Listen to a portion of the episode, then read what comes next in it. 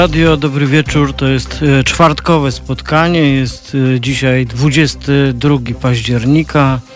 Rok mamy 2020, e, tak zwanej naszej ery.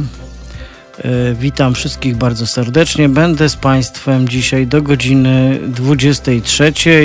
W pierwszej godzinie będziemy rozmawiali z autorką pasjonującej książki, chociaż właściwie nawet można powiedzieć książek a w drugiej będziemy rozmawiali z tłumaczem niezwykłej i też e, zupełnie innej, ale pasjonującej książki.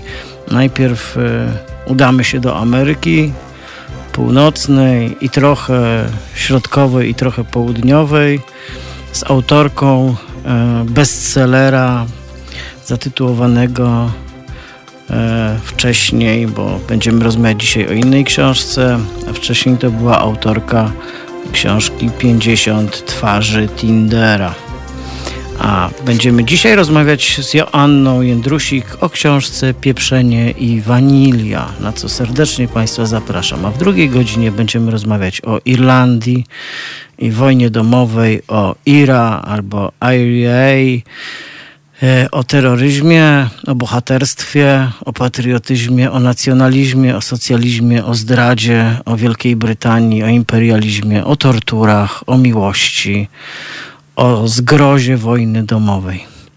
E, raz jeszcze witam się serdecznie z Państwem w ten e, czwartkowy wieczór. Dobry wieczór raz jeszcze wszystkim. Witam słuchaczy, słuchaczki, które nam towarzyszą na czatach YouTube'owym, Facebookowym. E, YouTube'owy jeszcze ogarniam, żeby jakoś śledzić, więc będę starał się e, reagować. Zresztą tak jak, jak zawsze.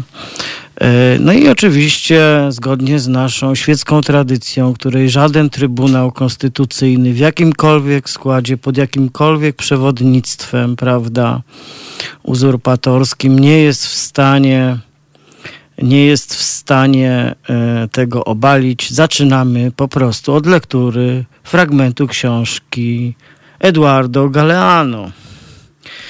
Także nie jesteśmy w tak złej sytuacji jak kobiety w Polsce. Po prostu wciąż jeszcze możemy przeczytać fragment książki Eduardo Galeano, fragment książki Dzieci Czasu z kalendarza dziejów ludzkości, książki, pamiętajcie, napisanej specjalnie dla nas, ponieważ na każdy dzień, kiedy ja mam program, jest jakiś fragment. Jest poświęcony, przypisany do tego dnia krótki kawałek. Prawdę mówiąc, e, sam jestem ciekaw, co dzisiaj to będzie. E, no cóż, Dzień Medycyny Naturalnej. Indianie Navajo leczą, śpiewając i malując. Te sztuki medyczne, święte tchnienie zdrowia w chorobę, towarzyszą działaniu leczniczych ziół, wody i bogów. Przez dziewięć nocy, noc w noc, chory słucha śpiewów, które mają wypędzić złe duchy z jego ciała, podczas gdy palce malarza malują na piasku strzały, słońca, księżyce, ptaki, tęcze, pioruny, węże i wszystko, co może pomóc w uzdrowieniu. Kiedy ceremonie lecznicze dobiegają końca, pacjent wraca do domu pieśni milkną, a pomalowany piasek się rozwiewa. E, to był Galeano na dzisiaj.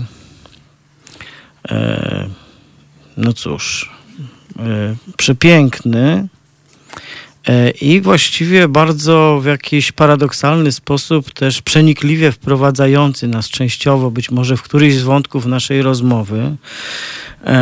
Jest już z nami mm, Joanna Jędrusik. Dobry wieczór, Joanno. Dobry wieczór. E, autorka wydanej ostatnio książki Pieprzenie i Wanilia e, przez e, krytykę polityczną. I o tej książce, a właściwie od tej książki chciałbym, chciałbym rozpocząć i wyjść mm, w tej rozmowie. No i, i właściwie o tej książce nie jest mi łatwo rozmawiać, bo ona e, e, z jednej strony niesie w sobie bardzo taką powiedziałbym, soczystą i niezwykłą wielogatunkowość, że chwilami e, właściwie nie jestem pewien, czy mogę o tej książce mówić, że ona jest reportażowa, chociaż w jakimś sensie bardzo mocno jest. Na ile w tej książce jesteś jednak literacka bardzo, E, chociaż e, jakby te dwie rzeczy się nie wykluczają, ale szukanie tego balansu między czymś, co jest e, e, po prostu tak zwanym czystym reportażem, a czymś, co jest po prostu e, taką wyprawą literacką e, w opowieść własną, jest, jest jakimś ważnym pytaniem. Ty, ty masz takie słowo, które jak już musiałabyś określić własną książkę, słowem, to wolałabyś go użyć? Um, wiesz co, tytuł całej serii, którą wydaje krytyka polityczna i też w tej serii zostałam wydana, to jest niefikcja. Mhm. Myślę, że niefikcja to jest, e, co jest kalką z, jakby z gatunku non-fiction amerykańskiego, który jakby zawiera w sobie te wszystkie rzeczy. Także idę na łatwiznę i trzymam się tego, że to jest niefikcja. Okej, okay. do tego się trzymajmy. E, to tego się trzymajmy. Książka jest e, w takim razie niefikcyjną, niefikcyjnym zapisem, opowieścią o Twojej wyprawie do Stanów Zjednoczonych, ale nie tylko, bo, bo też w tej podróży, która trwa wiele miesięcy, czy, wiele miesięcy, czy rok prawie. Wie, wielenaście miesięcy. Wielenaście miesięcy. Wielenaście miesięcy, tak, to jest dość imponujące. Wielenaście miesięcy, jesteś też, e, jesteś też w Meksyku, dwukrotnie zresztą w Peru, e, no a po Stanach jeździsz e, z jednego wybrzeża na drugie, z jednego krańca na odmienny. Mm, no, w Stanach, jak to w Stanach, właściwie każde miejsce jest osobnym, osobnym miejscem. E, ale e, opowieść o tym, e, o tej książce twojej jest, czy jest tyle trudna taka, żeby ją zre, właściwie tak dookreślić zwięźle, dlatego że ta książka ma, jest bardzo wielowątkowa, bo z jednej strony mamy taką opowieść, powiedziałbym, wręcz awanturniczo-przygodową, to jest bardzo piękny element tej książki, ponieważ przytrafiają ci się niezwykłe przygody, bo spotykasz e, e, często niespodziewanie dla siebie ludzi i, i, i życie plecie scenariusze, które są trochę nie do wyobrażenia.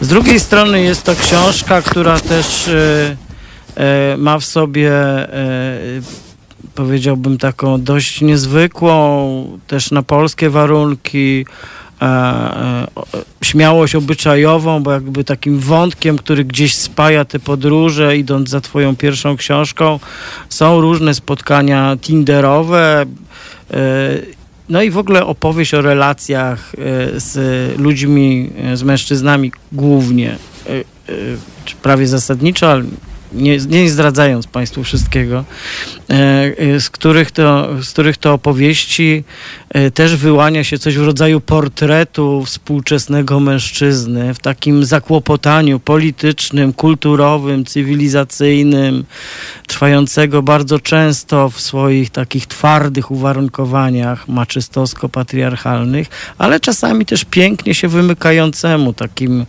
takim prostym określeniom. To jest też w końcu też w jakimś sensie opowieść o bohaterce czy o tobie. E, I o tym wszystkim, no właściwie można powiedzieć, że książka ma puentę, czyli ten ostatni rozdział jest takim zapisem zupełnie z innego świata, pewnym takim niemalże kocheletowskim wyznaniem, że właściwie wszystko marność. Różne rzeczy się zmieniają, ale... To, to już, to już spoilery. no ale to jest tylko puenta, to jakby wiesz. E, e, no, to bardzo niezwykła, e, niezwykła wyprawa. Powiedz, jak sobie mogłaś na nią pozwolić? Jakby, czy miałaś taki zamysł, który który, czy wiedziałaś, że będziesz pisała z tego książkę? Właściwie to też mnie bardzo interesuje. Nie, totalnie nie. A. Ani pierwszą, ani drugą nie. A. E, wiesz co, w wielkim skrócie musiałam sprzedać mieszkanie, bo moja spółdzielnia wpadła w długi. Tak? I e, w pewnym momencie jakby stanęłam przed wyborem, czy kupić nowe mieszkanie, czy może zrobić coś innego z pieniędzmi. a właściwie przed pomysłem, że może zrobię coś innego, bo najpierw myślałam, że to oczywiste, że po prostu kupię inne. E, więc postanowiłam je wydać i wyjechać z myślą o tym, że no, nic mnie tutaj nie trzyma, ani nikt. I no właśnie, pojechałam, wróciłam, a potem koledzy z krytyki politycznej zaproponowali mi książkę, a potem drugą książkę i napisałam o tym, co się działo. Tak. Czy, czyli to jest tak, że jak gdyby y, przed pierwszą książką tą podróż już miałaś za sobą? E, nie, nie. Wszystko zdarzyło się po moim powrocie do Polski. Aha.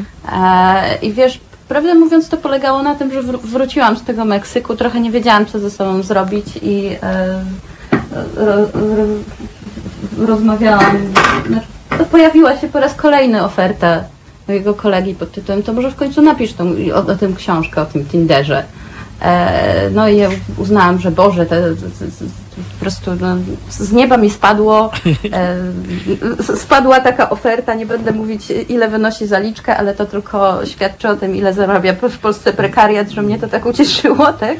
W każdym razie y, to mnie zmotywowało do napisania pierwszej i zupełnie, wiesz, tak, no, ani nigdy nie myślałam o pisaniu czegokolwiek, może, może z tego wynika, może to trochę odpowiada na te twoje rozkminy na temat gatunku, wiesz?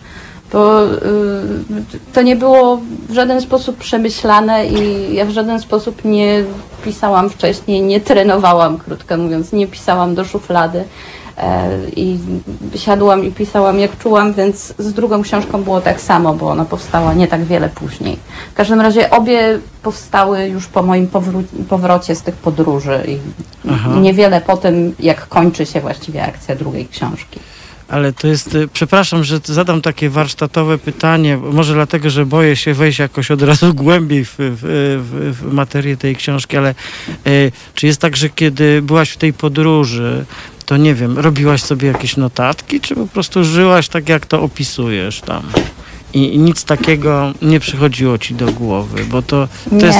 robiłam, robiłam to, co każdy robi w podróży, czyli y, y, co dwa dni wrzucałam zdjęcia na Instagrama i, A, i wiesz, potem... na tym kończyły się notatki, tak? A, czy miałeś e, taki Więc... notes instagramowy? Nie, no śmieję się, no co ty, i tak bym pamiętała, co, co, co się działo, nie? Ale y, chodzi mi o to, że nie, absolutnie nie robiłam, bo nie myślałam o napisaniu czegokolwiek. Myślałam o tym, że wrócę do Polski, pójdę do pracy w korpo, tak jak wcześniej przez prawie 7 lat pracowałam w korpo, tak? Mhm. No tak, to, to, to, to powiem tak, że to jest dość niesamowita opowieść, dlatego że te książki... Yy Wydaje mi się nawet, że to, to, tę książkę, o której dzisiaj y, głównie mówimy, czyli Pieprzenie i Wanilia, e, ona mnie wciągnęła tak bardzo intensywnie. Mm, I, i ona też jest, e, ona jest po prostu świetnie napisana. Ty masz, e, masz umiejętność i warsztat. Właśnie to, to jest zagadkowe to, po tym, co powiedziałaś, że ty właściwie doskonale władasz takim E, warsztatem reporterskim, obserwacyjnym, masz pamięć do, do bardzo wielu szczegółów, e, budujesz też to bardzo konsekwentnie, te opowieści, te obrazy. Widzimy Twoich bohaterów, bohaterki, widzimy te sceny, te spotkania, te, te historie. Mm, to głaskanie żółwia, kiedy wracasz do mhm. nurkowania, albo tą meduzę, która cię, e, która cię poparzyła i potem idziesz zapięta pod szyję w białej koszuli, zupełnie jak z innego świata na jedno ze spotkań. Ale też niezwykły dar narracyjny do opowieści i w ogóle do przekucia w taką, e, powiedziałbym, normalną narrację tej historii, tych po prostu dziesiątków spotkań romansów, tych tinderowych historii, zresztą o tak odmiennym tempie i, i dramaturgii tych wydarzeń, że to jest jakby cały taki kosmos. Ja myślę, że też to jest absolutna rzadkość, że, że właściwie ja, ja nie, nie pamiętam, żebym w Polsce obcował z taką literaturą. w takim sensie, że, że też jakby chylę czoła przed pewnym rodzajem odwagi twojej, a z drugiej strony sobie myślę, że to jest, że twoja książka jest też takim znakiem czasu niezwykłym, który jest taką opowieścią o odzyskanym głosie przez kobiety. W tym sensie aż taką rolą cię tutaj obdarzę. Nie wiem na ile na ile ty to, ty to tak też możesz na to spojrzeć. Nie wiem, nie wiem, czy tak możesz to czuć. Pewnie nie. Może mi z zewnątrz jest to łatwiej odpowiedzieć, ale tak mi się wydaje, że to jest taki taki inny głos. Powiem ci tak, takie śmiałe porównanie przyszło mi do głowy e, z, y, oczywiście, jak to się mówi, ja nie znam w przeciwieństwie do ciebie języka francuskiego, ale to się mówi toute proportion gardée, tak, czyli zachowując wszelkie proporcje w tym porównaniu, chociaż znowu bez fałszywej skromności, jeśli chodzi o to, jak to zrobiłaś, że to jest taka książka, która odkrywa coś, co jest... Y, występuje bardzo mocno, często jest realne i jest nieopisywane. Coś, co zrobiła Swietłana Aleksiejewicz w książce Wojna nie ma w sobie nic z kobiety, kiedy opowiedziała wojnę e, oczami kobiet, które w niej walczyły. A ty opowiedziałeś życie e, intensywnie e, żyjącej młodej kobiety, która po prostu właściwie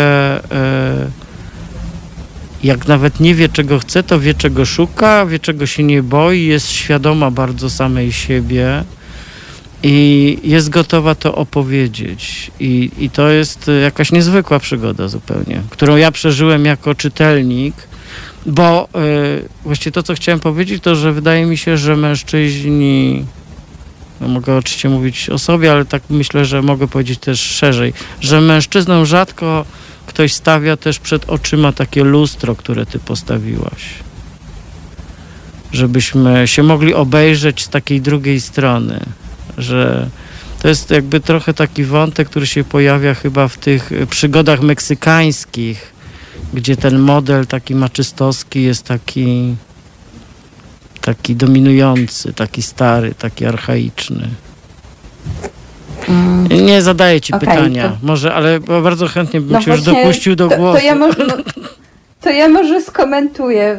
Wiesz co, no kurczę, dziękuję ci bardzo. W ogóle jestem jakby przytłoczona ilością, wiesz, e, wspaniałych rzeczy, do których mo mogę się odnieść, tak? To znaczy, jeśli chodzi o o głos kobiety, wiesz co, e, ten współczesny głos kobiety, o którym mówiłaś, kilka dni temu moja koleżanka po lekturze powiedziała, że jestem Tylerem Derdenem kobiet po trzydziestce, co było wspaniałe, ale jakby no, oczywiście, że rozwaliłeś bank porównaniem ze Swietłaną Aleksejewicz, więc jakby e, dzięki. Tak, wiesz co, nie wiem, nie czytam zbyt wiele współczesnej literatury i cholera w ogóle sobie wyrzucam, że za mało czytam.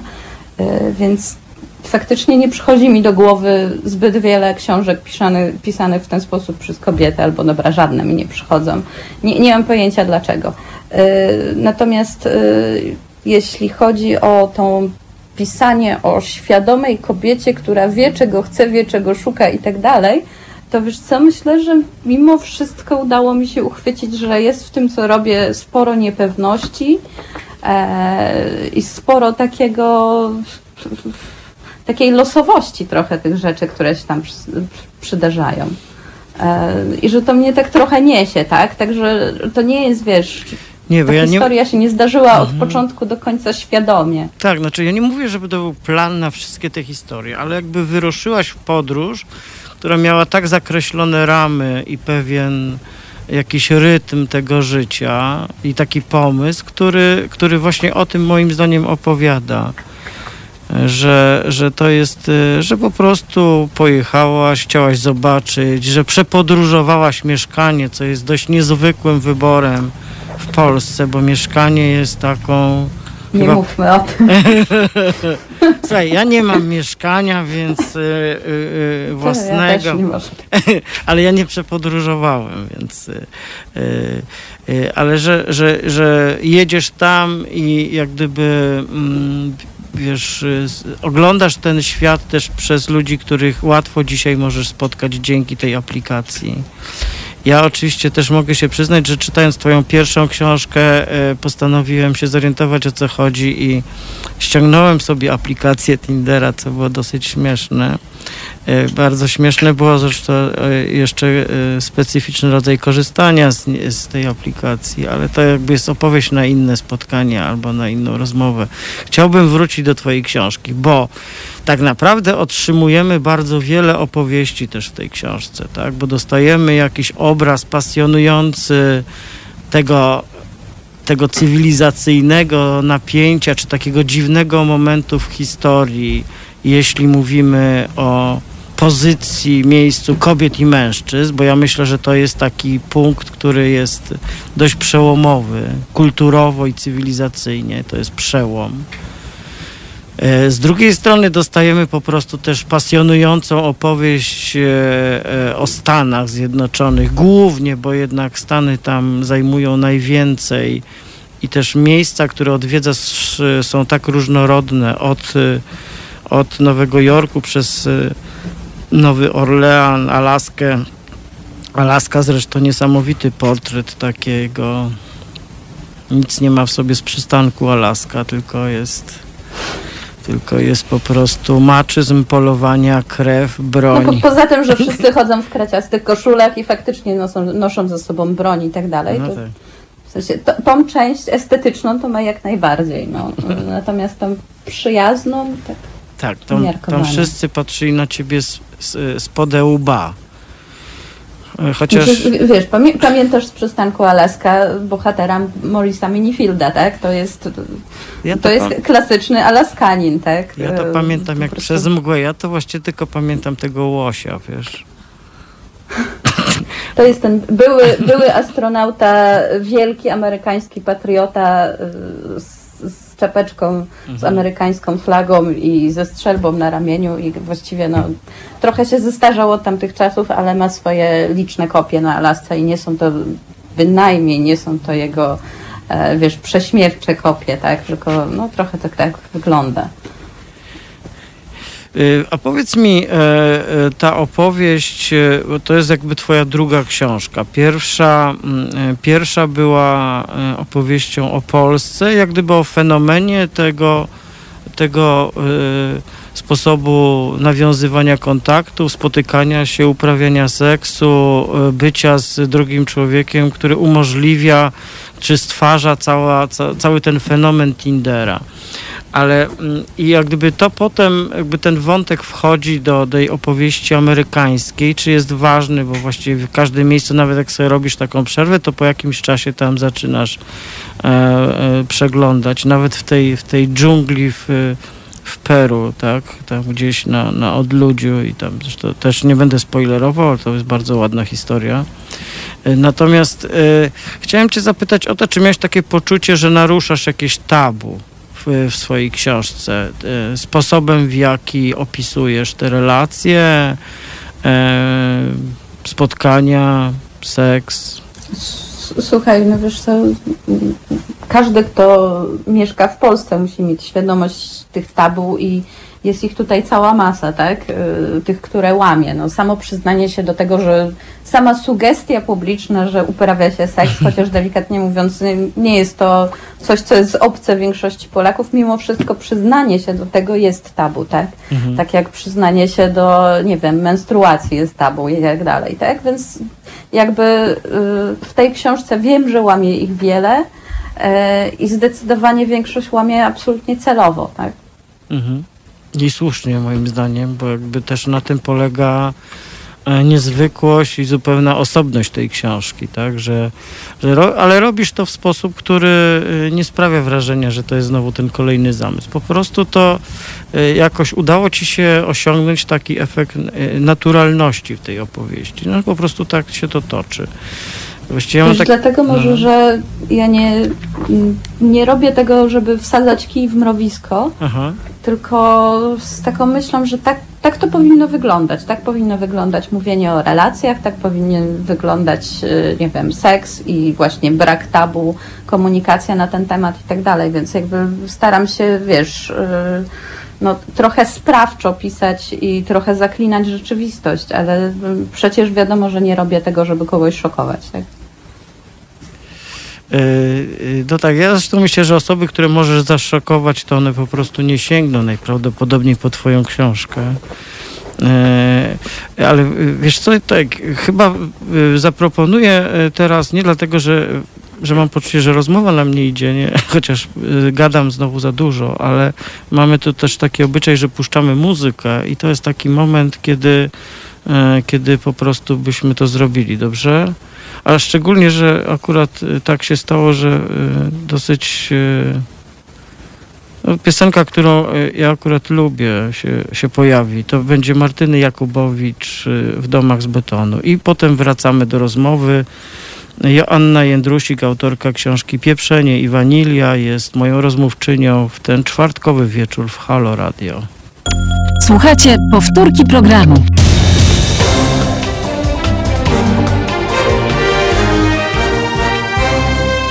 Halo Radio. Halo Radio, Roman Kurkiewicz. E, to jest e, spotkanie czwartkowe, wieczorne. Jest 22 października. Rozmawiam z Joanną Jędrusik, autorką e, książki Pieprzenie i Wanilia, wydanej przez e, wydawnictwo Krytyki Politycznej. I e, chciałem wrócić do tego wątku, e, e o którym mówiłaś e, przed, przed tą piosenką, która właściwie jakoś niespodziewanie, bo to nie, nie ja zaplanowałem, los tak chciał. W jakimś sensie myślę, że tak, ta, ta piosenka akurat też gdzieś jest w chociaż dawna i stara, jest gdzieś w klimacie takiej opowieści, która gdzieś się snuje u ciebie. Ale zaczęłaś mówić o tym, że masz takie absolutne przekonanie, że tak jak ty to próbujesz robić i robisz w swojej książce, to tak powinny wyglądać rozmowy o seksualności, o związkach, o relacjach, e, o tym, jaki one mają charakter, jak są intensywne, co się w nich naprawdę dzieje. I że to jest pewnie, i to jest pewnie coś, czego rzeczywiście w takiej, jak to się mówi, mówi polskiej przestrzeni rozmowy, czego nie ma. No, dzisiaj też rozmawiamy w bardzo specyficznym dniu z takiego politycznego punktu widzenia, tak, Trybunał Konstytucyjny e, e, podporządkowany całkowicie Prawu i Sprawiedliwości konserwatywnej e, prawicy podjął kuriozalne rozstrzygnięcie e, w sprawie niedopuszczalności e, aborcji z, przy poważnym uszkodzeniu płodu. Trwają w różnych miastach Polski Polski manifestacje kobiet, bo jest to jakieś po prostu naruszenie naruszenie sytuacji. I tak Polska miała jedno z najbardziej surowych przepisów dotyczących, e, e, dotyczących aborcji, a teraz to właściwie mamy jakiś, jakiś koszmar. Więc też rozmawiamy w takim dniu, który jest bardzo taki symboliczny, przechodzi do historii zresztą najnowszej, odbierania kobietom praw, a mówimy, e, a z kolei przy okazji twojej książki ja mówię o tym, że właściwie to jest głos kobiet, które E, czy takiego że słyszymy w tej twojej książce taki odzyskany głos kobiet. No to jest jakiś paradoks. Wiesz co, e, z jednej strony odzyskane, ale z drugiej strony ja staram się tam podkreślać takie rzeczy co jakiś czas i pamiętać o tym, że e, ja jestem po tej uprzywilejowanej stronie barykady, tak? To znaczy, no dobra, po tej samej stronie barykady, natomiast jestem na tyle uprzywilejowana, żeby wiedzieć, jak zapobiegać ciąży, żeby y, stać mnie było na antykoncepcję, na y, wizytę u lekarza i na ewentualny wyjazd za granicę w celu zrobienia sobie aborcji, tak? Bo nawet bym się nie bawiła w szukanie tego w Polsce. E, natomiast y, no, starałam się też pisać o tym, że istnieje świat e, całej masy ludzi, których na to nie stać, tak? Więc to jest wyrok wymierzony w te kobiety. E, I no, dlatego to jest takie przesrane. Hmm. W Twojej książce też jak gdyby jest cały taki bardzo mocny wymiar e, polityczny i społeczny. To znaczy, kiedy opisujesz ten świat, to jakby zderzasz się z taką filozofią y, powszechnej turystyki, ale też zauważasz rzeczywistość, zauważasz te, te historie, te, te, E, tą niewiarygodną biedę, która graniczy o parę metrów z jakimś niezwykłym przepychem i bogactwem. Spotykasz zresztą ludzi z różnych światów.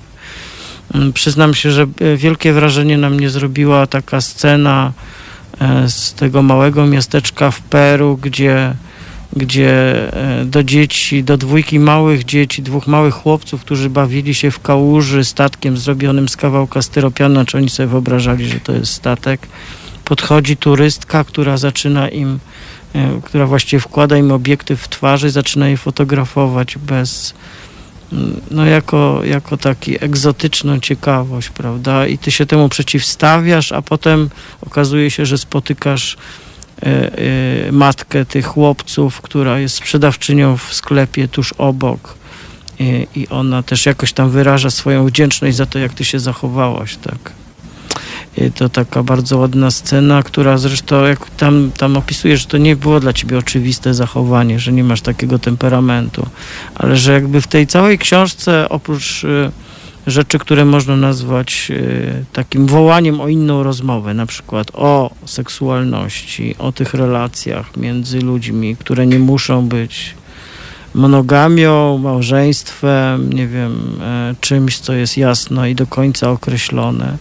Ale jakby zadajesz sobie o to pytania, ale równocześnie zadajesz sobie pytania o świat, jakby wracają pytania o, o najważniejsze problemy świata, tak, bo jest i tam i ekologia, i bogactwo, i bieda, i zniszczenie świata, przyrody, e, kiedy nurkujesz mm, i z wieloma ludźmi znajdujesz porozumienie w tej sprawie. Także takie chwilami miałem poczucie, że tam jest tak dużo w tej książce, że właściwie nie, nie wiadomo do czego się przytulić, że użyję takiego słowa może nie najszczęśliwszego, ale może akurat nie jest też najgorsze. Wiesz co, no te, te kilkanaście miesięcy to jednak, tak jak sam powiedziałeś, że było tyle krajobrazów, tyle miejsc, y, ludzie z różnych środowisk, tak naprawdę praktycznie nie ma, wiesz, rodzaju problemów, których, tam, których to nie dotknęło, tak? Y, których ta książka nie dotyka. Nie da się nie da się podróżować i patrzeć na świat, chyba że wiesz, pojedziesz i się zamkniesz w luksusowym hotelu, tak? Na dwa tygodnie na tak zwanym all inclusive i nie będziesz z tego hotelu wychodzić. Natomiast y, nawet tam zobaczysz po pewnym czasie obsługę tego hotelu, zobaczysz jak są traktowani, jak po pewnym czasie możesz się dowiedzieć, ewentualnie spróbować z nimi pogadać, dowiedzieć się ile zarabiają, kim są i tak dalej. Wiesz, to jest tylko kwestia ciekawości i, i tego, jak podchodzisz do ludzi. Ja mam wrażenie, że, że ten poziom ciekawości drugiego człowieka mam dosyć wysoki, wiesz, więc dlatego, yy, dlatego zwracam uwagę na różne rzeczy. A jeśli chodzi o tych turystów robiących zdjęcia, yy, to, to wiesz, no, milion razy to konfrontowałam z jakimiś osobami spotykanymi w podróży, zresztą z Polakami e, robiącymi zdjęcia ze znajomymi, którzy powtarzali mantry w stylu e, bo my zawsze pytamy, czy możemy i oni kiwają głową, że tak, no wiesz, no ręce opadają, tak? Po prostu wiesz, opada mi, opada mi szczena czasami, jak myślę o hipokryzji, jaką stosujemy e, używając takich podwójnych standardów, tak? E, I e, powiedzmy, że ta scena z dziećmi to był tak naprawdę wynik oglądania wielu, wielu takich scen wcześniej. Mhm, mhm. Powiedz mi, czy jak pisałaś e, tę drugą książkę, już po głosach, po przyjęciu pierwszej, tak, która e, no też e, jakby miała w sobie taką otoczkę skandalu, to czy czy coś ci przychodziło z trudem? Musiałaś się gdzieś e, korygować? Musiałaś wkładać w taki wysiłek? Czy to już była zupełnie inaczej prowadzona opowieść? Wiesz co, były dużo większe przerwy między rozdziałami i bardzo długa przerwa przed tym napisaniem zakończenia, wiesz? Ja cały czas trochę się wahałam, jak to zrobić, trochę to zmieniłam. Był spory fragment, który dodałam, to był ten fragment o przemocy wobec kobiet, który dodałam po tym, jak Paulina Młynarska e, zamieściła wpis o molestowaniu i stwierdziłam, jakoś no, spontanicznie poczułam, że jednak trzeba o tym napisać mimo wszystko, bo to, to nie było łatwe historie i to wiesz, bardzo wiele tych rzeczy budziło mój no, smutek, no nie oszukujmy się, tak? To, to, to już jest przerobione na jakiejś tam terapii i tak dalej, natomiast y, nie pisało się o tym łatwo i y, no i przerwy pomiędzy kolejnymi historiami były trochę większe i no, kilka rzeczy po prostu wyrzuciłam w trakcie z, z książki, jakby kilka historii, więc no, e, gdyby nie to, że trzeba było się ograniczyć, to pewnie była dłuższa. E, ale to odłożyłaś sobie do kolejnej książki, czy jednak poszły ad acta? E, nie, nie. Czy nie zostaną, zostaną, absolutnie nie. Już nie będę pisać książki o sobie i ta, ta historia E, ta historia kończy się tą, tą puentą i, i mam nadzieję, że to za, zakończenie jest wystarczająco zamknięte, żeby czytelnik się, broń Boże, nie łudził, że już nie mam zamiaru pisać na swój temat. I, Czytelniczka e... bardziej, myślę jednak.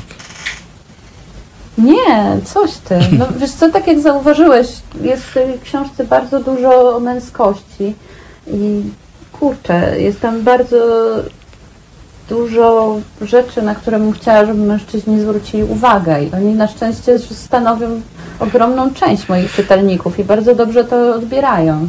Jak chodzi, e, jak, tak jak, jak mówiłeś o, o, tym, o braku, wiesz, równowagi między, między mężczyzną takim nowoczesnym, a nie nowoczesnym, skrót myślowy, ale wiesz o co mi chodzi, tak? Mężczyzną, który sobie nie radzi z jednej strony z E, wiesz, z, z, ciążącymi na nim rolach społecznych, a z drugiej strony macho, tak? Więc no, jest trochę rozkmin na ten temat i myślę, że ta książka absolutnie nie jest ani dla kobiet, ani dla mężczyzn, tylko dla wszystkich. Nie, właśnie moja uwaga niezbyt, y, prawdę mówiąc, y, y, ani przenikliwa, ani trafiona w tym miejscu dotyczyła tego, że statystycznie po prostu 95% osób, które czytają w Polsce książki, to są jednak kobiety albo więcej. Takie są proporcje. E, natomiast ja uważam, że lektura Twojej książki dla mężczyzn byłaby bardzo ważna. Oprócz tego, że jest przygodą, to, to wcześniej powiedziałem, że jest że można też w jakiejś, na jakiejś płaszczyźnie odbierać tę książkę jako, jako takie lustro, w którym możemy się przejrzeć, w którym nie mamy szansy się przejrzeć w większości. I, i, I to jest też y, bardzo niezwykła y, jej cecha i zaleta równocześnie. To znaczy, że mówisz tam rzeczy, y, Mówię to również z własnego doświadczenia, już osoby delikatnie mówiąc, no, nie najmłodszej, jakoś tam czującej się dojrzale, ale że właściwie ja sobie mogę powiedzieć, że bardzo żałuję, że nie przeczytałem takiej książki kiedyś, jakiś czas temu, tak jakby za, za późno się urodziłaś. No. Ale że, że ja, okay. ja uważam, że ta książka... bardzo Ci dziękuję. Ja, ja po prostu uważam, że ta książka, lektura tej książki dla mężczyzn w Polsce byłaby bardzo ważna wiesz, bo ona otwiera, ona, ona jest tak napisana i w takiej konwencji i powiedziałbym też z taką e, empatią, że ona daje szansę na zrozumienie rzeczy, z którymi sobie często nie radzimy. Zresztą w tej książce pojawiają się takie, takie osoby, które akurat nie są Polakami, tak, ale ale to, mm, to jest bardzo ciekawe. Myślę, że to, jest, y, że to byłoby niezwykłe doświadczenie, gdyby ta książka była czytana intensywnie przez mężczyzn i przegadywana na przykład, nie? To jest... Co, ja poszłam dalej tą drogą i w sensie do, nie tą drogą, tylko w tym kierunku i stwierdziłam, że następna książka, którą, no, nad którą już pracuję, będzie poradnikiem.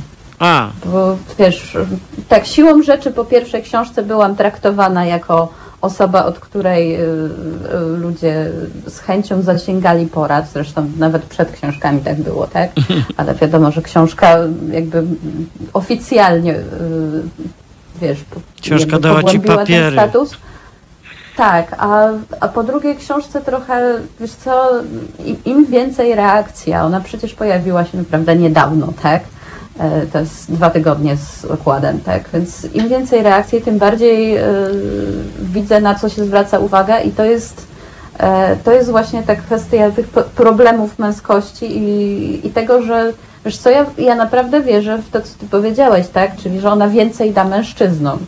Kobiety no, nie dowiedzą się o sobie bardzo dużo, a z drugiej strony mhm E, powiedziałeś też o tym, że, y, że 90% czytelniczek, tak? Ponad. Czy 95, przepraszam. Y, tak, to, to kobiety młode w dodatku, z tego co pamiętam różne, ze statystyk, tak? Różne, różne, E, w ale każdym co, wieku. e, I to, to mnie strasznie cieszy z drugiej strony, że mimo wszystko, e, nawet jeśli nie mężczyźni, to że one są odbiorczyniami tej książki. Bo to jest książka, która też w zamyśle ma jakoś zmieniać rzeczywistość, tak? Ma pokazywać alternatywy i ma pokazywać, że, e, że trzeba coś robić, jak robić rzeczy, co można zmieniać. E, Może nie jest to, wiesz, podręcznik, tak? Natomiast staram się poruszać takie wątki. A e, wszelkie możliwe badania wskazują na to, że to kobiety są siłą, która zmienia świat, która pcha do przodu, która jest bardziej liberalna od mężczyzn, bardziej aktywna.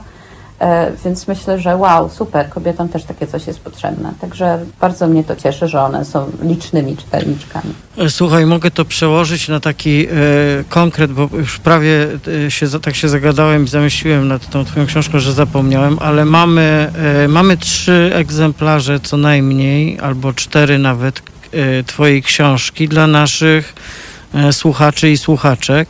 I właściwie taki mam, e, taki mam pomysł, żeby ciebie wmanewrować w to, żebyś e, teraz na gorąco wymyśliła jakikolwiek niezbyt trudny, ale pretekstowy e, taki pomysł, który sprawi, że komuś ja te książki będę mógł e, e, przekazać i wysłać. Powiedz, co by mieli zrobić? Powiedz, co by mieli zrobić? Dla mężczyzn to może być zadanie trudniejsze. No to jak, Boże. Boże, Boga Od razu ma. wysoko postawiona, po- e, no właśnie. E, Znaczy, tak, oczywiście, zgadzamy się. Tak. Em, Okej. Ojej, to jest strasznie trudne pytanie, wiesz. Przepraszam, ja, że tak cię Ja robiłam konkursy, ja robiłam uprzedziłem. konkursy na swoim Instagramie O, i i polegały na tym, że wygrywał książkę osobnik, osoba, kobieta albo mężczyzna, która napisała najciekawsze, bo tam są w formie pytań, tak? Więc osoba, która napisała najciekawsze pytania. Także, e, no nie wiem, to jest absolutnie To nie idziemy do w taki konkurs? chyba że Dobrze, to no, róbmy. jeśli, jeśli chcesz, to proszę bardzo, ja mogę pomóc Ci rozstrzygać. Więc Dobrze. jeśli są jakieś pytania do autorki, to. e, Dobrze, to no. mamy taką prośbę do naszych słuchaczy i słuchaczek, którzy nas teraz słuchają, e, e, żebyście Państwo ułożyli pytanie do Joanny Jędrusik, autorki książki Pieprzenie i Wanilia. Możecie to zrobić nawet nie czytając tej książki, tylko e, po naszej rozmowie. E, Powiedzmy, że ja będę e, zbierał te odpowiedzi przez, przez no, no to wiadomo jak długo. Długo nie, no bo dzisiaj albo wyślecie te pytania, albo zapomnicie. No ale powiedzmy jak jutro wyślecie jeszcze, czy w ciągu najbliższych dni, to też je rozpatrzymy i ja wtedy się skontaktuję z Joanną i dokonamy takiego po prostu werdyktu i i wtedy może za tydzień, żeby zamknąć i nie przeciągać, jak to było w przypadku innych książek, które tutaj usiłowałem rozdawać, żeby tego nie przeciągać, szczególnie, że są też inne okoliczności. I oczywiście na maila teraz małpahalo.radio. Tak, to e, nasza tutaj koleżanka, towarzyszka, realizatorka, też e, Asiator, e, więc tak, to taka jest prośba i wtedy, tak, to jest jej dłoń machająca do nas. Czyli takie, taką mamy dla Państwa propozycję, żebyście na maila wysłali pytanie mm, do Joanny, autorki tej non-fikcyjnej opowieści o, o seksie, Tylko- miłości, bliskości, Tylko gdzie ja Ameryce. wtedy na to pytanie odpowiem? E, no to coś, coś wymyślimy. Może. Coś wymyślimy. Tak, coś Dobrze. wymyślimy. Coś Jesteśmy wymyślimy. inteligentni. Ale ni, nic nie mówiliśmy o odpowiedziach. Mówiliśmy o zadawaniu pytań. E, To jest jak z tym, wiesz, króliczkiem. No to nie, pytania zadajemy czasami dla samych siebie. Odpowiedź jest w książce. Ja O, myślę, że tak. tak. na wszystko. I wtedy, jak Państwo przeczytacie książkę, to tam znajdziecie na te najciekawsze pytania po prostu odpowiedzi. To możemy właściwie tak założyć e, e, a priorycznie. Nie wiem, czy się Joanno zgodzisz, ale. Absolutnie się Prawda? zgadzam. Znaczy, my wybierzemy takie pytania, które są najciekawsze i na które będzie odpowiedź w książce. No wiesz co, ona jest tak jak mówiłeś, na tyle wielowątkowa, że, że tam się nie, znajduje. nie dadzą rady wymyślić czegoś, czego nie będzie. Może nie jest to Biblia, chociaż ja na początku mówiłem o Kochelecie, ale tam jest odpowiedź na każde pytanie. Na każdą wątpliwość. Także po prostu wysyłamy, wysyłamy, powtarzam, na adres mailowy. E, Ja e, musiałbym założyć okulary. Małpa teraz. Nie ma. Nie, Nie, e, teraz małpa halo.radio. teraz małpa halo.radio.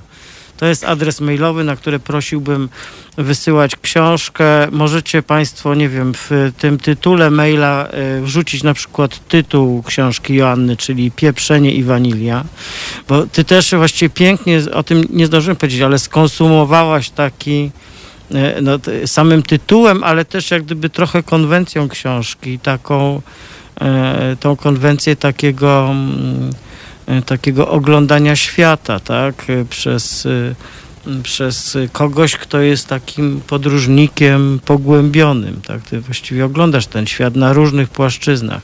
Chociaż chwilami mam takie wrażenie, że też mężczyźni występują jako tam, jako taki rodzaj, prawda, dosyć ciekawej, ważnej w życiu, prawda, takiego elementu przyrody.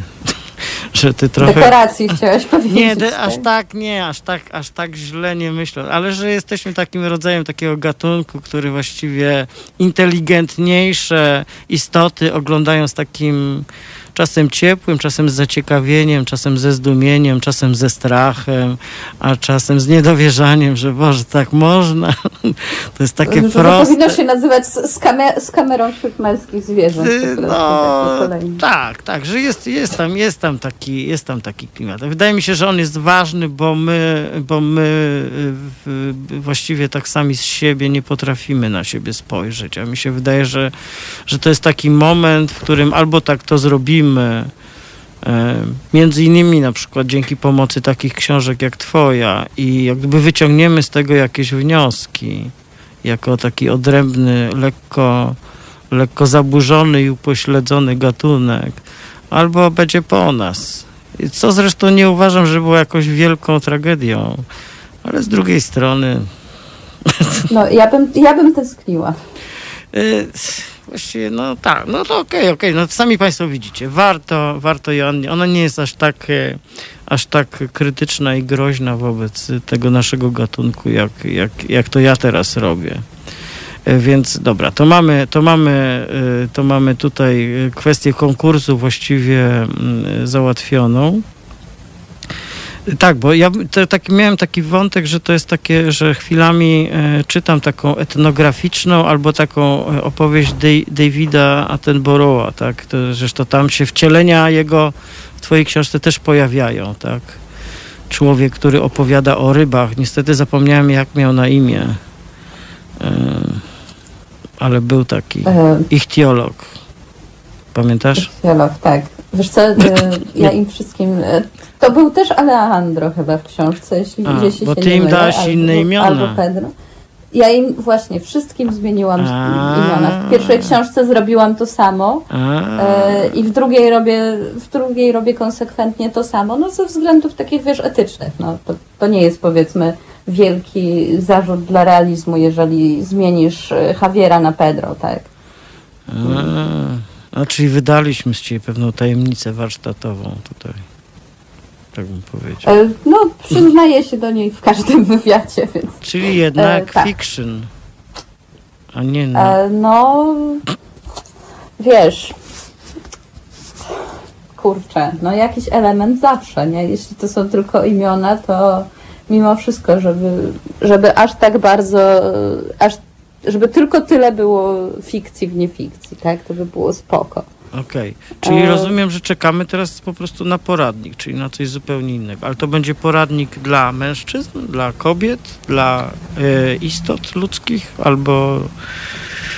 To będzie poradnik dla istot ludzkich i wiesz, on trochę, trochę pisany z myślą o mężczyznach tak naprawdę, bo oni mają więcej do nadrobienia, jeśli chodzi o relacje, e, o, mm, o komunikację w tych relacjach, o radzenie sobie w ogóle z ciężarem męskości, tej, który tej takiej, wiesz, stworzonej przez patriarchat, którą muszą nieść ten krzyż teraz, tak? I często pod nim upadają.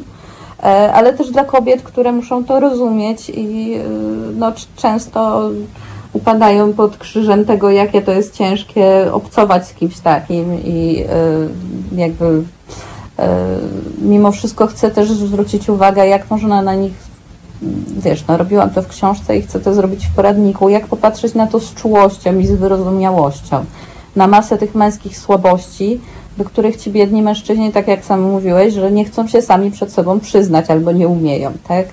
E, więc e, no, no to jest trudne i też wiesz, z tej strony. Nie, nie uczyliśmy się tego, nie wiedzieliśmy, że w ogóle jest taki fragment rzeczywistości, w której Y, dobrze byłoby to zrobić dla własnego dobra, nie? chociaż nie tylko dla własnego. Także to jest tak. No, to jest, to jest, nie, nie tak. ma się co obwiniać. Nie, nie, nie, nie, to jest jak gdyby, to jest ten cały proces trudny bardzo, jeśli możliwy do wykonania tak zwanego pozbywania się swojej władzy, której sami nie widzimy, tak? Władzy, którą wykorzystujemy, a której jesteśmy nieświadomi. Więc ja też myślę, że taki twój głos, właśnie jak to teraz powiedziałeś, czy z czułością, właśnie z czułością, z empatią, ze zrozumieniem, że jest ważny, że on też daje taką przestrzeń do takiej zmiany. Także ja y, powiem tak, że bardzo, bardzo czekam na twoją y, książkę poradnikową. E, aczkolwiek e, no, pozostaje pod mocnym wrażeniem e, tej opowieści, chociaż poprzednią książkę też, też lubiłem. Też lubiłem, bo ona jakby też mi zaczęła otwierać oczy, ale ta chyba zrobiła na mnie mocniejsze jeszcze wrażenie i, i to było dla mnie coś y, bardzo, bardzo ciekawe i oczyszczające i też otwierające oczy doświadczenie. Także chciałem Ci bardzo podziękować na koniec naszego spotkania za krótkiego i też chciałem przeprosić, że za dużo gadałem znowu, ale mm, no tak, tak mam czasem. No za krótko po prostu. Ja też, tobie, ja też Tobie bardzo dziękuję. Wiesz, ja Ci nie przerywałam, mówiłeś takie miłe rzeczy o mojej książce, że właściwie głupio by było przerywać. Sama chciałam posłuchać, natomiast y, no, ja też Ci bardzo dziękuję. Okej. Okay. Joanno, w takim razie do jakiegoś innego spotkania. Trzymam kciuki za każdą Twoją kolejną książkę. Życzę wszystkiego dobrego w Twoim pięknym życiu. E, Joanna Jędrusik, autorka książki Pieprzenie i Wanilia, wydanej przez krytykę polityczną, była naszą rozmówczynią w tej części programu. Bardzo Ci jeszcze raz dziękuję. Teraz posłuchamy. Ja też Tobie jeszcze raz bardzo dziękuję. Cześć, dobrej nocy. E, teraz New Radicals zaśpiewają, a potem będziemy rozmawiać e, no nie o tak intymnych rzeczach, chociaż w jakimś sensie też, bo wojna jest też jakoś intymna. Będziemy rozmawiać o Irlandii Północnej. Słuchajcie powtórki programu. Halo Radio. Pierwsze radio z wizją.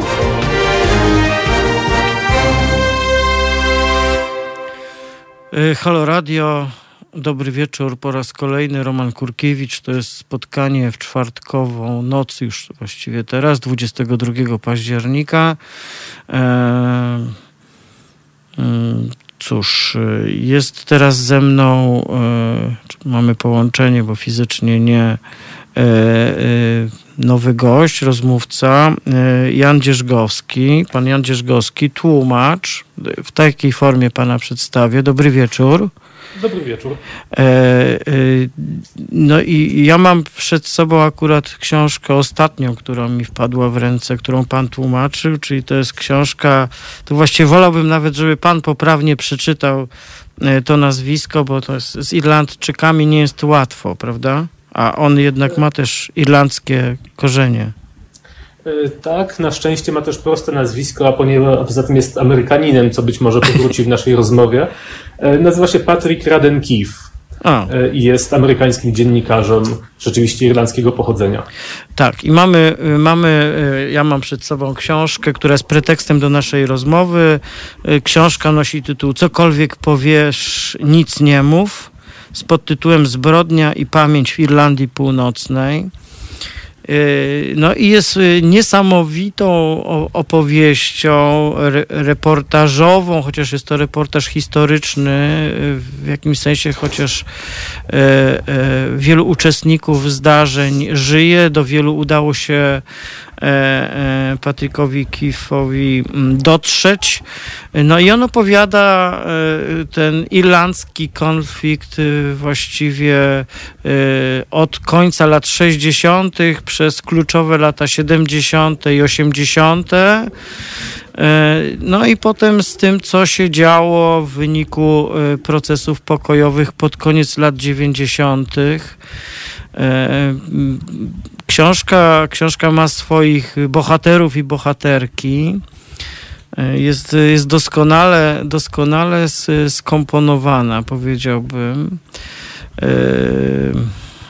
Książkę wydało wydawnictwo czarne. Tytuł książki zaczerpnięty jest z wiersza, prawda? Y, tak, z wiersza Seymusa Hineya. Tak, czyli y, poety, y, poety, który też noblisty. Tak, i też czwarto powiedzmy planowej postaci w samej książce. Tak. Być bynajmniej nieistotnej postaci, ale też Irlandia i Irlandia Północna to są na tyle małe miejsca, że Seamus Hinney ma szansę się tam pojawić osobiście jako znajomy trzecioplanowej postaci, dlatego jest postacią czwartoplanową. E, e, powiem szczerze, że kiedy, kiedy zacząłem czytać tę książkę w pańskim tłumaczeniu, to też e, równolegle zacząłem wracać do, do podczytywania wierszy Hineya. Zresztą niektórych nie znalazłem, tych, które się pojawiają w książce, ale, ale za to znalazłem inne i właściwie ten klimat y, opowieści o Irlandii E, walczącej z Brytyjczykami o rodzaj suwerenności, niepodległości, uniezależnienia się jest tam też bardzo mocno obecny, ale też takiego strachu, bo tak naprawdę jest to opowieść o wojnie domowej, czyli jak się często mówi, znaczy również wojnie domowej, tak, bo to Irlandczycy walczą z Irlandczykami, ale też walczą z Brytyjczykami, tak, Nie, niektórzy Irlandczycy.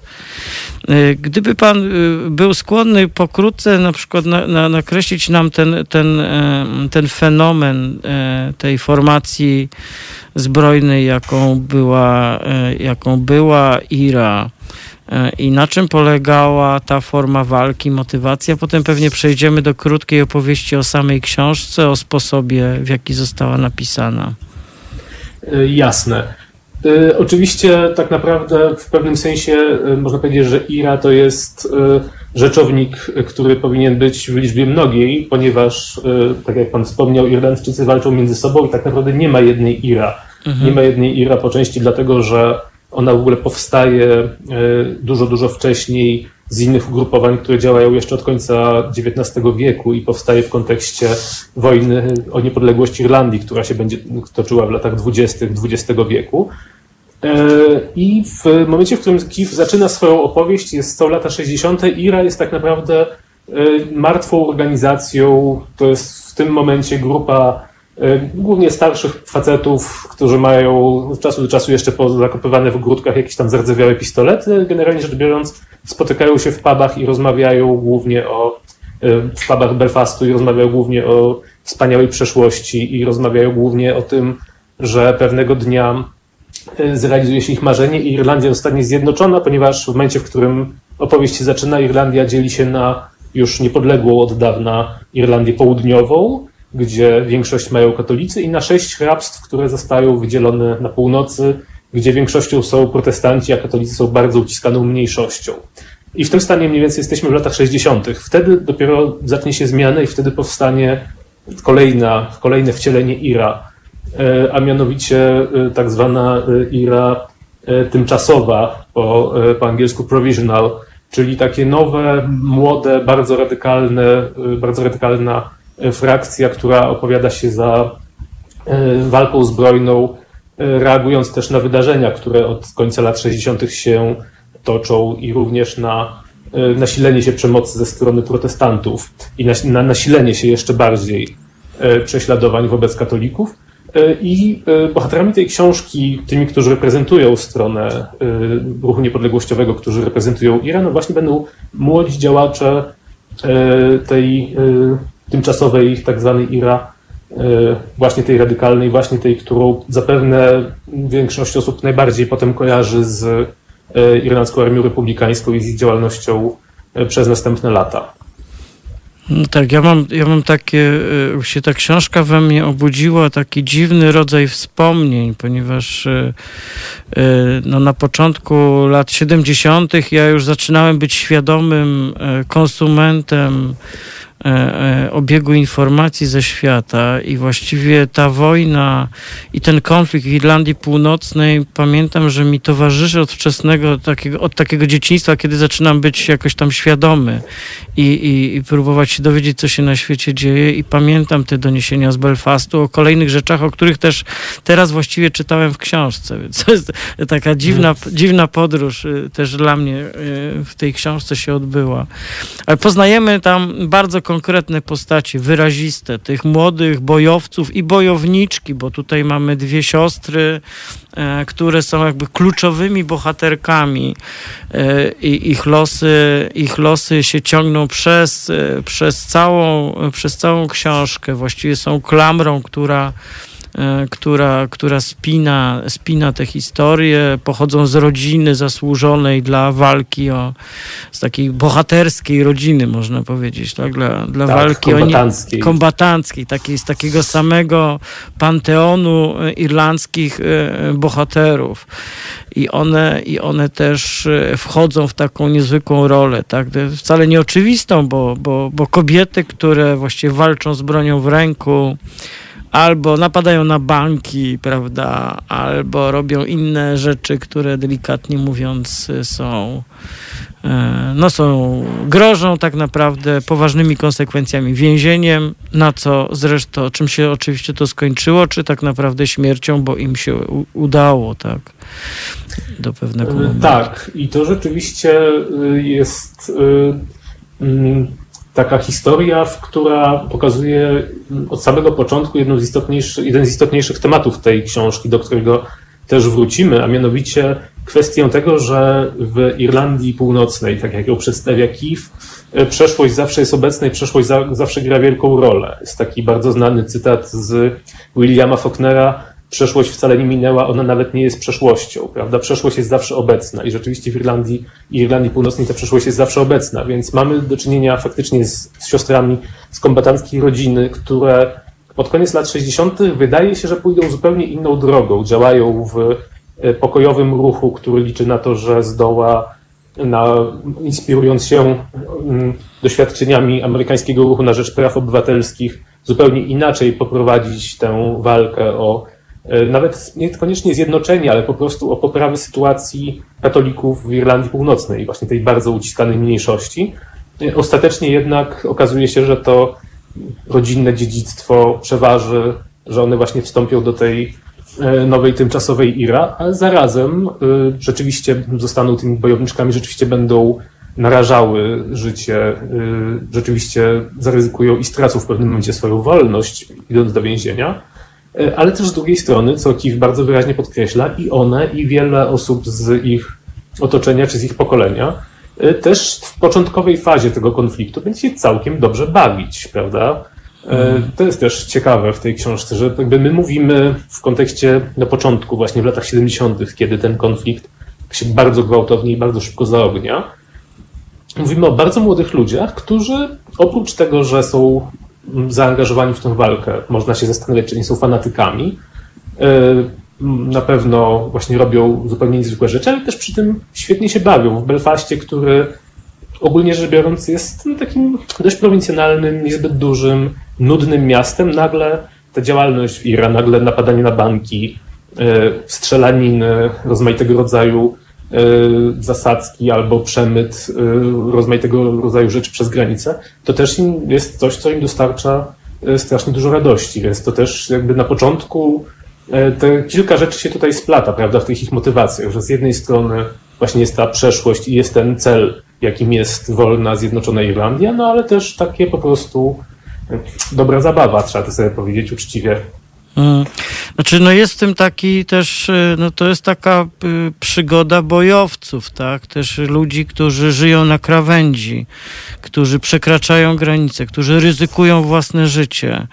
Równocześnie mają poczucie takiego potężnego, przynajmniej no może nie zawsze, potem, potem jak wokół tego też e, powstał problem, ale wsparcia e, społeczności, w której żyją, E, e, społeczności, która im pomaga podczas ucieczki przed brytyjskimi żołnierzami, e, gdzie, gdzie mamy to zjawisko absolutnego nietolerowania ludzi, którzy są kapusiami, czyli, czyli idą na jakąś formę współpracy z, jak oni to nazywają, z okupantem. No i Brytyjczycy de facto są okupantami, którzy y, patrzą, mało, że patrzą przez palce na E, na e, działalność bojówek protestanckich, tylko właściwie je, można powiedzieć, wspomagają bardzo często. Tak? Te, te wątki też się pojawiają. I tam widzimy ten wymiar tej, tej, wojny, tej wojny domowej, te, taki niezwykły, krwawy. E, no i to jakby mamy też, Ira jest doskonałym przykładem pytań, E, e, o ten słynny dylemat, prawda, do kiedy jest ktoś partyzantem, a od kiedy staje się terrorystą, tak? Które metody walki e, są jeszcze akceptowalne takiej walki z ukrycia grupy mniejszościowej, słabszej wobec zarówno tej, tej większości protestanckiej, jak i głównie wobec Brytyjczyków, którzy z kolei są twardym przeciwnikiem, delikatnie mówiąc, tak? Bardzo twardym. E, tak, oczywiście, bo faktycznie, kiedy pod koniec lat 60. wybucha przemoc w dużym stopniu sprowokowana przez lojalistów, e, czyli przez e, protestantów, którzy chcą, żeby Irlandia Północna pozostała częścią Imperium Brytyjskiego, które już wtedy nie istnieje, ale akurat irlandzcy lojaliści jeszcze żyją w świecie, w którym im się wydaje, że ono istnieje. E, e, tak, wtedy Wielka Brytania przysyła wojsko i przez moment się wydaje, że to wojsko po prostu będzie takim rozjemcą i rozwiąże ten konflikt, no ale tak jak pan powiedział, ono się opowiada jednak wyraźnie po, e, po jednej ze stron, w związku z czym rzeczywiście dochodzi do takiego bardzo skomplikowanego konfliktu, gdzie z jednej strony prawda, jest walka z Brytyjczykami, którzy coraz, stosują coraz ostrzejsze środki represji, rzeczywiście rzucają wojsko do walki, mamy pojazdy opancerzone na ulicach, mamy przeszukania w domach, najrozmaitsze rzeczy. Z drugiej strony e, bohaterowie, bohaterki naszej książki, którzy działają w tymczasowym IRA, są rzecz jasna w konflikcie z rozmaitego rodzaju ugrupowaniami lojalistycznymi. Z trzeciej strony są jeszcze w konflikcie z tak zwaną oficjalną IRA, czyli z tym starszym skrzydłem, więc tak, to jest tak bardzo e, wielowątkowy konflikt, no ale rzeczywiście najsilniejszą w nim stroną zdecydowanie są Brytyjczycy właśnie przez to, że w pewnym momencie wysyłając wojska, decydują się na to, że, e, że podejmują decyzję być może nieświadomie, że ten konflikt będzie bardzo mocno eskalował, prawda, że te środki represji będą coraz brutalniejsze, e, przez to również e, brutalniejsza się stanie odpo odpowiedź IRA. No i faktycznie wtedy się zrodzi to pytanie, gdzie jest granica między działalnością partyzancką a terroryzmem i też zrodzi się pytanie o to, jak w ogóle tę działalność prowadzić, ponieważ w początkowej fazie IRA stara się e, brać na cel na przykład zamachów e, rozmaitego rodzaju firmy albo rozmaitego rodzaju przedsiębiorstwa należące do, do lojalistów. To bardzo szybko zaczyna niestety generować ofiary wśród postronnych ludzi, którzy też giną w wybuchach albo są ranni, są okaleczani.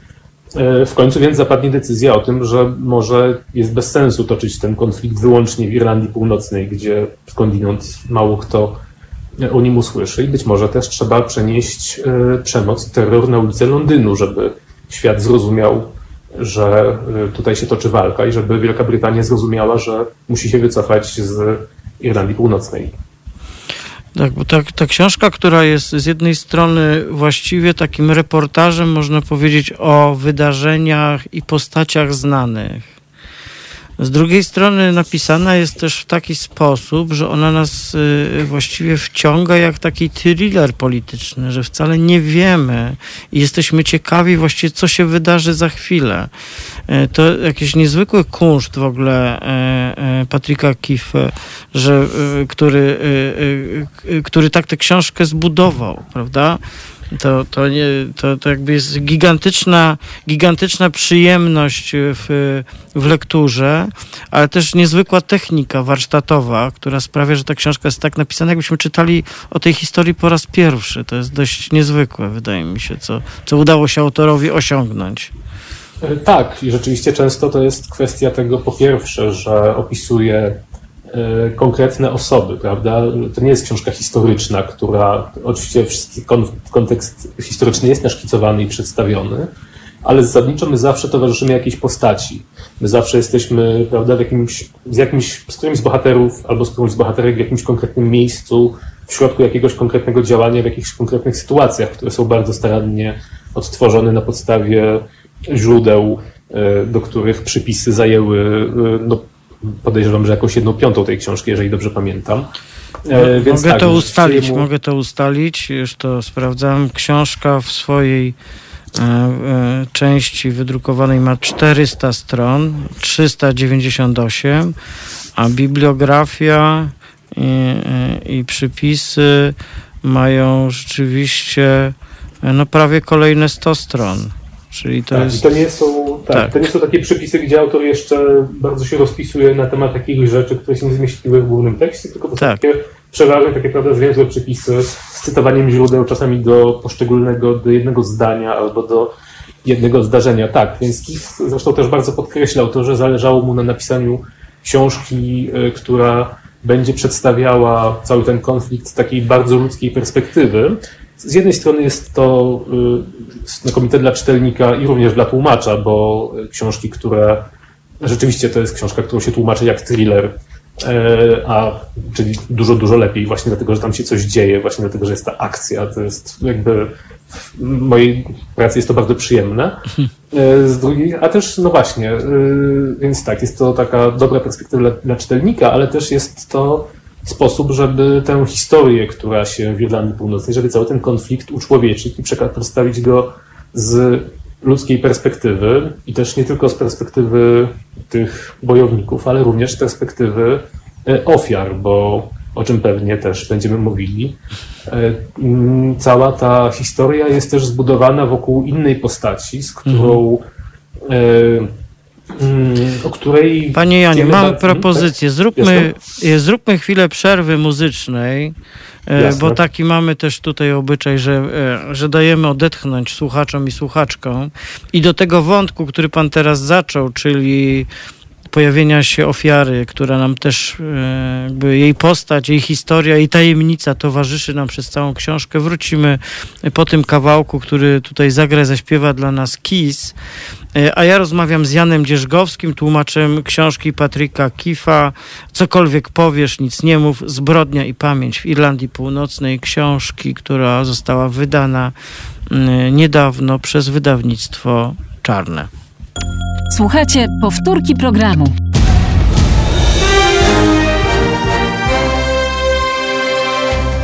Halo Radio. Gadamy i trochę gramy.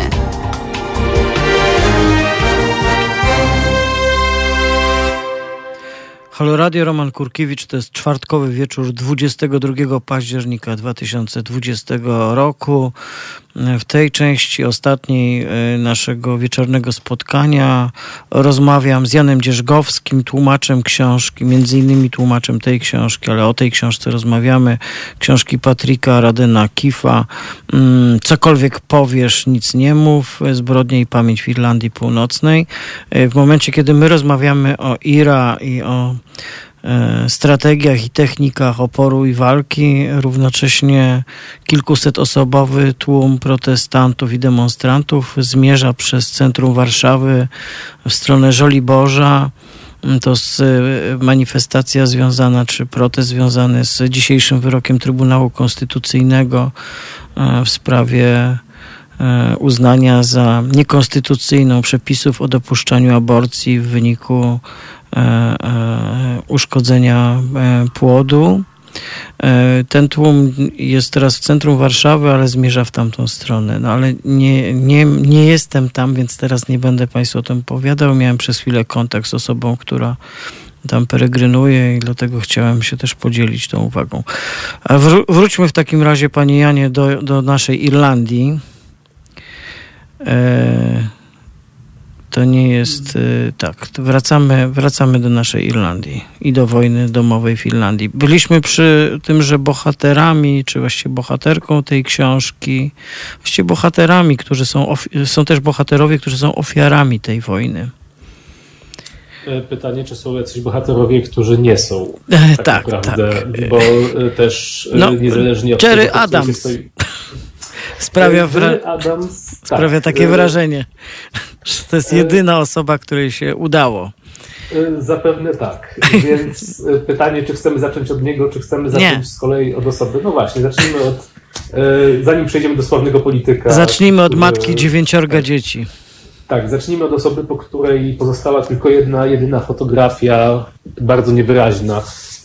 Od zwykłej kobiety, matki dziesięciorga dzieci, Mm, Jean McConville, która wdowy, e, która pewnego wieczoru e, na początku lat 70. zostaje e, zabrana ze swojego mieszkania na oczach większości swoich dzieci, których część jest jeszcze bardzo mała, przez grupę nieznanych ludzi, zapakowana do furgonetki, wywieziona i od tej pory ślad wszelki po niej ginie. Dick McConville jest e, niewątpliwie ofiarą konfliktów e, Irlandii Północnej. Książka, przez większą część książki nie wiemy tak naprawdę, e, jak, o co chodziło, dlaczego została uprowadzona. Śledzimy dalsze losy jej dzieci, które przeważnie w większości trafiają do koszmarnych irlandzkich sierocińców. Prędzej czy później jednak dowiem, trochę nie chcę spoilerować oczywiście, ale prędzej czy później dowiadujemy się, że E, historia Jean McConville to jest właśnie też historia, która się wiąże z e, IRA, e, też wiąże się z tym konfliktem, w którym, no właśnie, wcale nie cierpią tylko Brytyjczycy czy lojaliści. To wcale nie jest tak, że tylko te ugrupowania walczą ze sobą nawzajem, ale też rykoszetem obrywają zupełnie zwykłe osoby, właśnie takie jak McConville.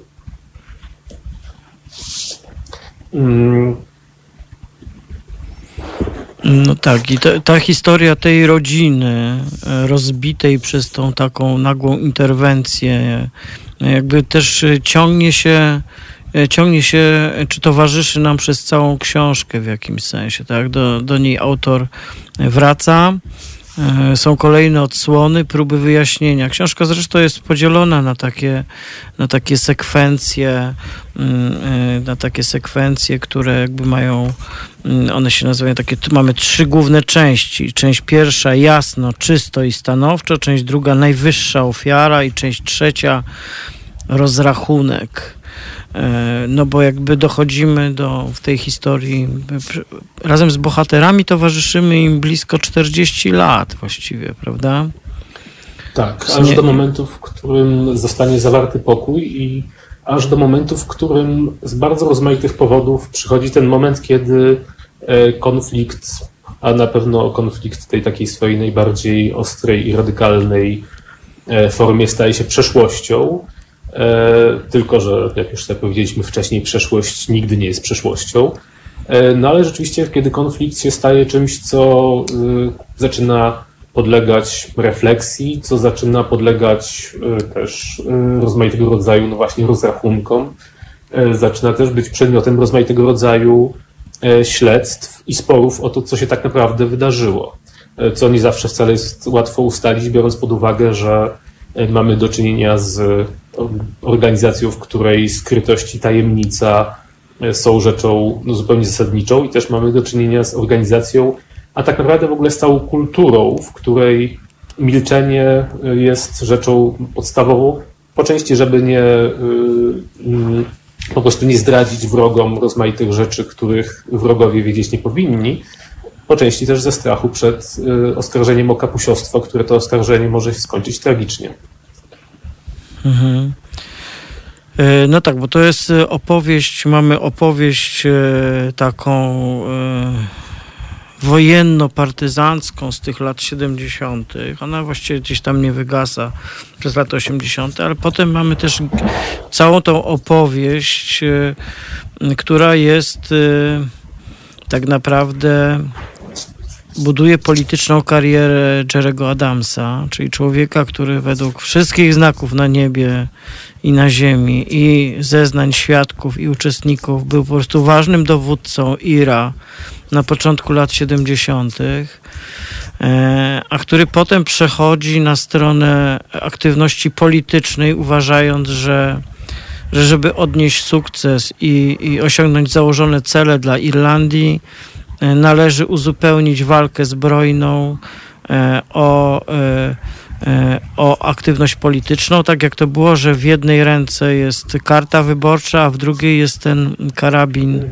Tak, karabin Armalite, karabin maszynowy. Karabin maszynowy Armalite. Także to są jakby, że te dwie ręce są niezbędne, żeby osiągnąć cel. I Jerry Adams idzie tą drogą, tą drogą kartki wyborczej E, zresztą tutaj pewnie warto też przypomnieć le, le, bohaterów e, legendarnej formy protestu, czyli głodówek więźniów politycznych z IRA, e, którzy potrafili, którzy zresztą umierali. Tak? Tutaj mamy postać Bobiego Sandsa, który który e, był jednym z e, przywódców e, takiej głośnej głodówki. W momencie, kiedy on głodował, a właściwie już niemal umierał, został zresztą wybrany wybrany tak, do brytyjskiego parlamentu. Do brytyjskiego tak, parlamentu, tak, a i umarł umarł w czasie tej głodówki, tak samo jak umarło pozostałych e, e, strajkujących głodowo z nim dziewięciu chyba bojowników IRA, tak. To jest jak gdyby cała taka odsłona też tego protestu, który toczył się, toczył się również za murami więzienia, tak. I walki o prawa, o prawo bycia więźniem politycznym, o prawo odsiadywania wyroków Irlandii i tak dalej, i tak dalej. No właśnie, Adams.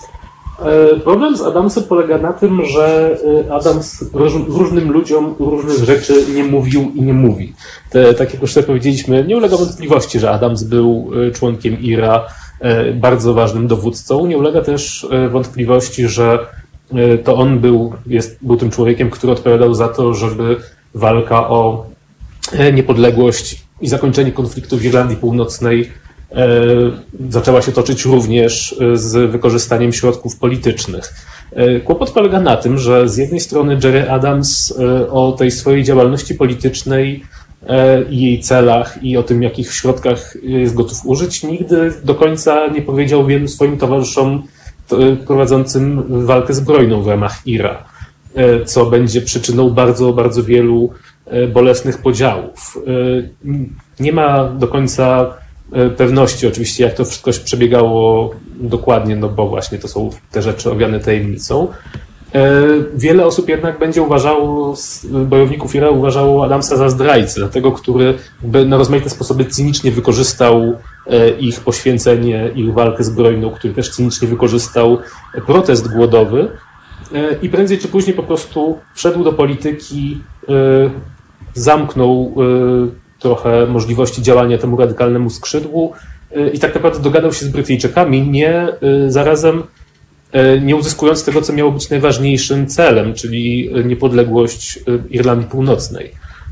Bo faktycznie Jerry Adams jest absolutnie kluczową postacią, jedną z kluczowych postaci procesu pokojowego. Nie można mu tego odmówić. Bez niego porozumienie wielkopiątkowe nie zostałoby zawarte.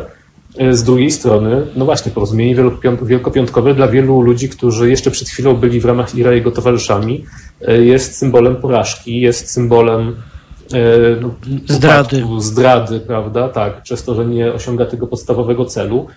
Tak też będą postrzegali to niektórzy bohaterowie książki, właśnie ci, którzy w latach 70. walczyli u boku Adamsa, w latach 80. wspierali jego działalność polityczną, licząc na to, że to będzie jakaś dodatkowa jakość, a potem nagle zobaczyli, że ta działalność polityczna zupełnie przyćmiła ich walkę, że zupełnie y, właśnie w jakiś sposób ją zawłaszczyła, że tak naprawdę konflikt nie skończył się tym, że oni wywalczyli zwycięstwo, tylko konflikt skończył się tym, że Jerry Adams usiadł do stołu z Brytyjczykami i skończyła się wojna domowa, co jak mówię, nie oznacza, że przyszła niepodległość. Kiedy pan tłumaczył tę książkę, to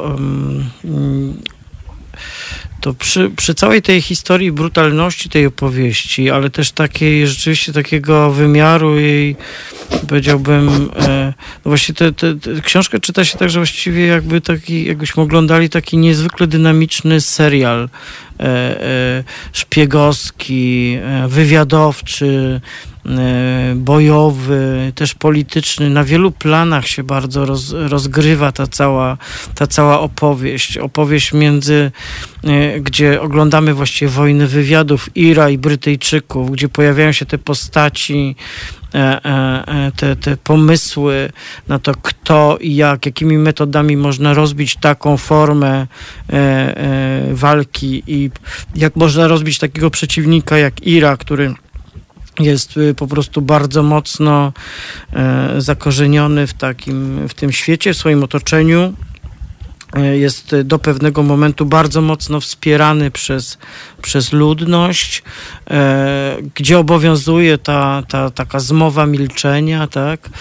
E, I to jest książka tak napisana, która, jak mówię, opowiada przecież historię, która nie jest czymś nieznanym. A, a Patrykowi Kif, Kifowi udało się jakby to opowiedzieć na nowo. Tak, mam takie wrażenie. Też chyba stąd taka kariera tej książki. Ta książka po prostu e, była nagradzana, uznawana za niezwykle wybitną, uznana za jedną z najważniejszych książek non-fiction dekady całej. No to są takie komplementy, e, komplementy, które na które trzeba zasłużyć, prawda? E, tak, no i zdecydowanie e, KIF dla mnie, jak dla mnie zasłużył. E, ja należę do tych tłumaczy, którzy nie przepadają za większością książek, nad którymi pracują. Nie dlatego, że to są niedobre książki, tylko po prostu dlatego, że... Za dużo pana jakby, pracy kosztują. Nie, nie, nie, że po prostu już jakby tak się strasznie dobrze tę książkę zna i zna się jej wszystkie wady. Aha. Więc w tym wypadku było faktycznie inaczej. W tym wypadku rzeczywiście no tak jakby byłem zakochany w tej książce do samego końca e, i jeszcze potem dłubiąc e, razem z redakcją, razem z korektą, także no tak, rzeczywiście jest to kwestia z jednej strony tego, co już, o czym już powiedzieliśmy, czyli kwestia pokazania ludzkiej twarzy tej historii i też tego, że Kif w całej tej historii znalazł tak naprawdę opowieść, która ma strukturę thrillera czy powieści kryminalnej, a jednocześnie właśnie łączy e, zupełnie fascynujące osoby, które też, które te osoby też przechodzą wiele przemian, bo prawda, te młode osoby z lat 70., ci młodzi ludzie pełni entuzjazmu, później się zmienią e, w, też pod historia też ich zmieni w ludzi starszych, być może przedwcześnie starych, zastanawiających się, co się stało z ich życiem.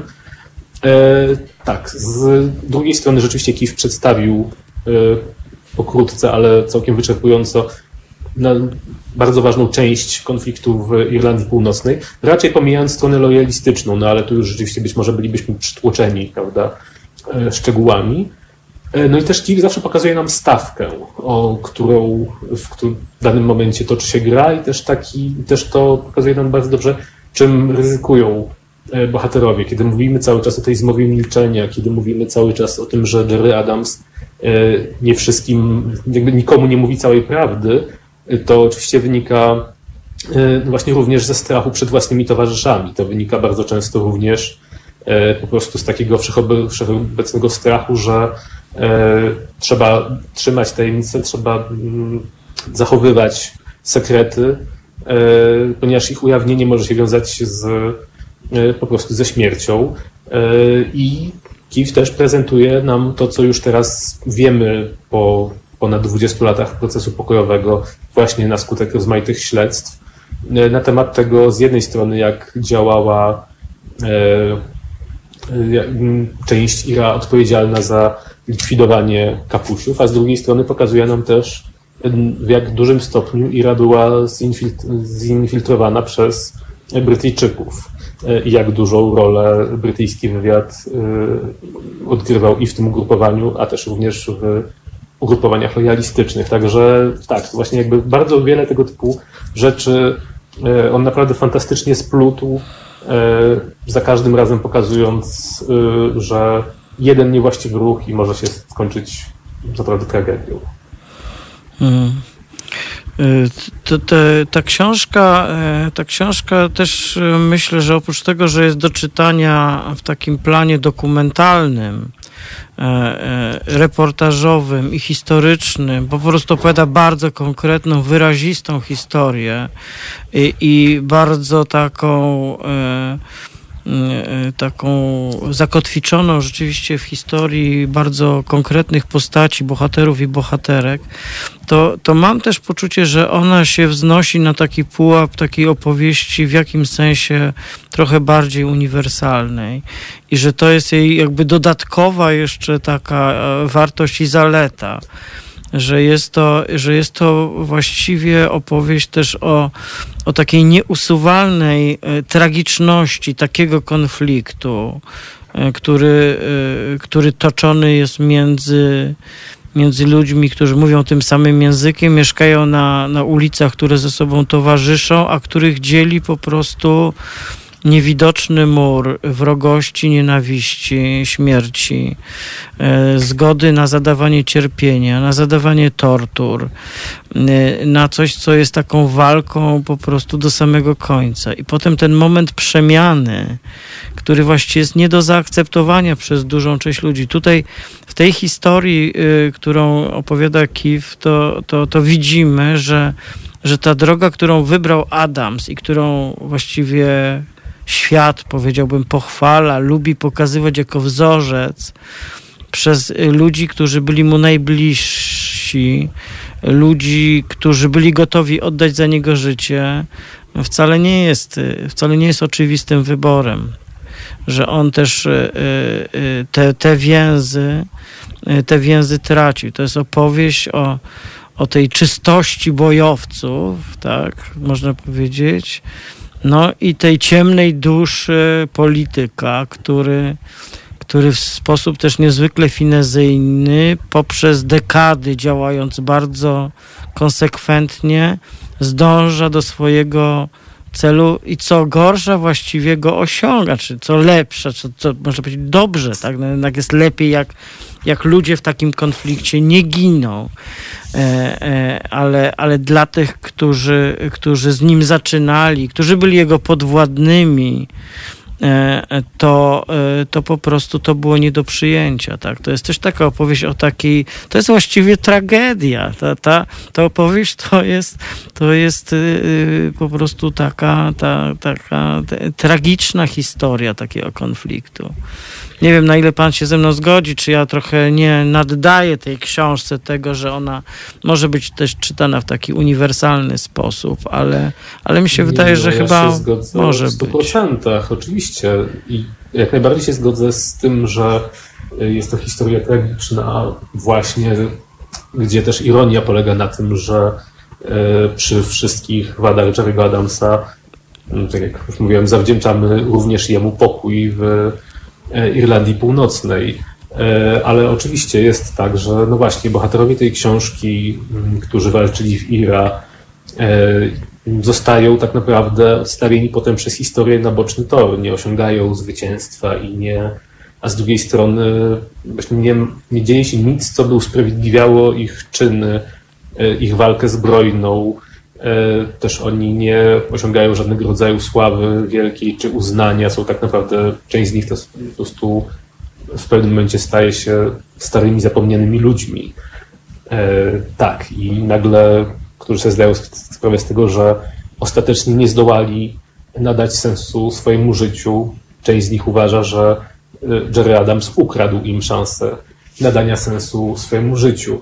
E, tak naprawdę, pracując nad tą książką, e, miałem bardzo dużo momentów, kiedy myślałem sobie, no kurczę, to jest jakby w dużym stopniu również opowieść o Polsce i o tym, co się wydarzyło i co się działo w tym samym okresie w Polsce, gdzie oczywiście z jednej strony walka była prowadzona przy użyciu zupełnie innych środków. Mam na myśli e, walkę prowadzoną przez opozycję demokratyczną w latach 80. i przez Solidarność, gdzie oczywiście istniały też prawda, środowiska, które miały pokusę radykalizmu albo postulowały dużo bardziej radykalne działania, ale one ostatecznie nigdy nie odegrały większej roli. No tak, i tak naprawdę również ta dla wielu, jak wiemy, osób, które w opozycji demokratycznej uczestniczyły. Ta rzeczywistość po roku 1989 z najprzeróżniejszych powodów okazała się rozczarowująca. W ogóle się okazała nie tym, o co się walczyło. Dawni towarzysze walki, z którymi się było strasznie blisko i zawierało się rozmaitego rodzaju przyjaźnie, romansowało się, cokolwiek, e, po prostu się zmienili po części dlatego, że historia się toczyła dalej e, i wydarzenia wpływały na to, że ci ludzie się zmieniali, a po części po prostu dlatego, że ludzie się zmieniają, prawda, w miarę upływu czasu, to jest banał.